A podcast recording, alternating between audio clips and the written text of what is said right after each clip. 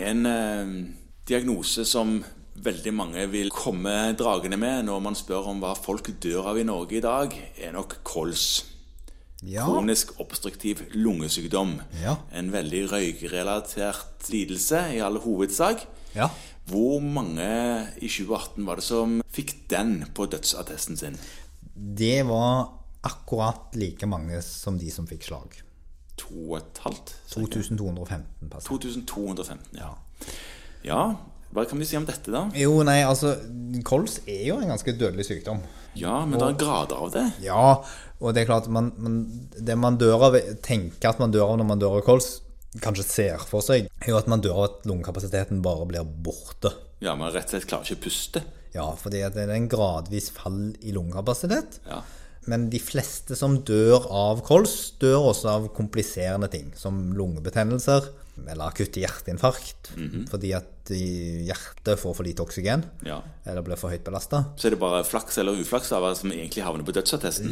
Lite grann tilfeldig kan det være. Ja. Men det er likevel at det står kols så ofte som 2215 ganger, viser jo at dette er en veldig hyppig dødsårsak og et stort samfunnsmessig helseproblem.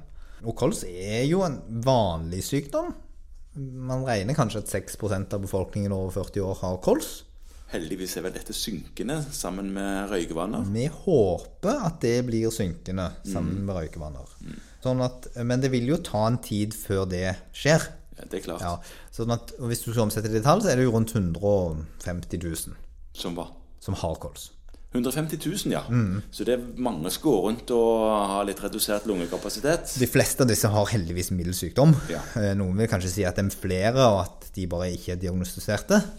Men det er en sykdom som gjør at man dør, og det er en hyppig dødsårsak.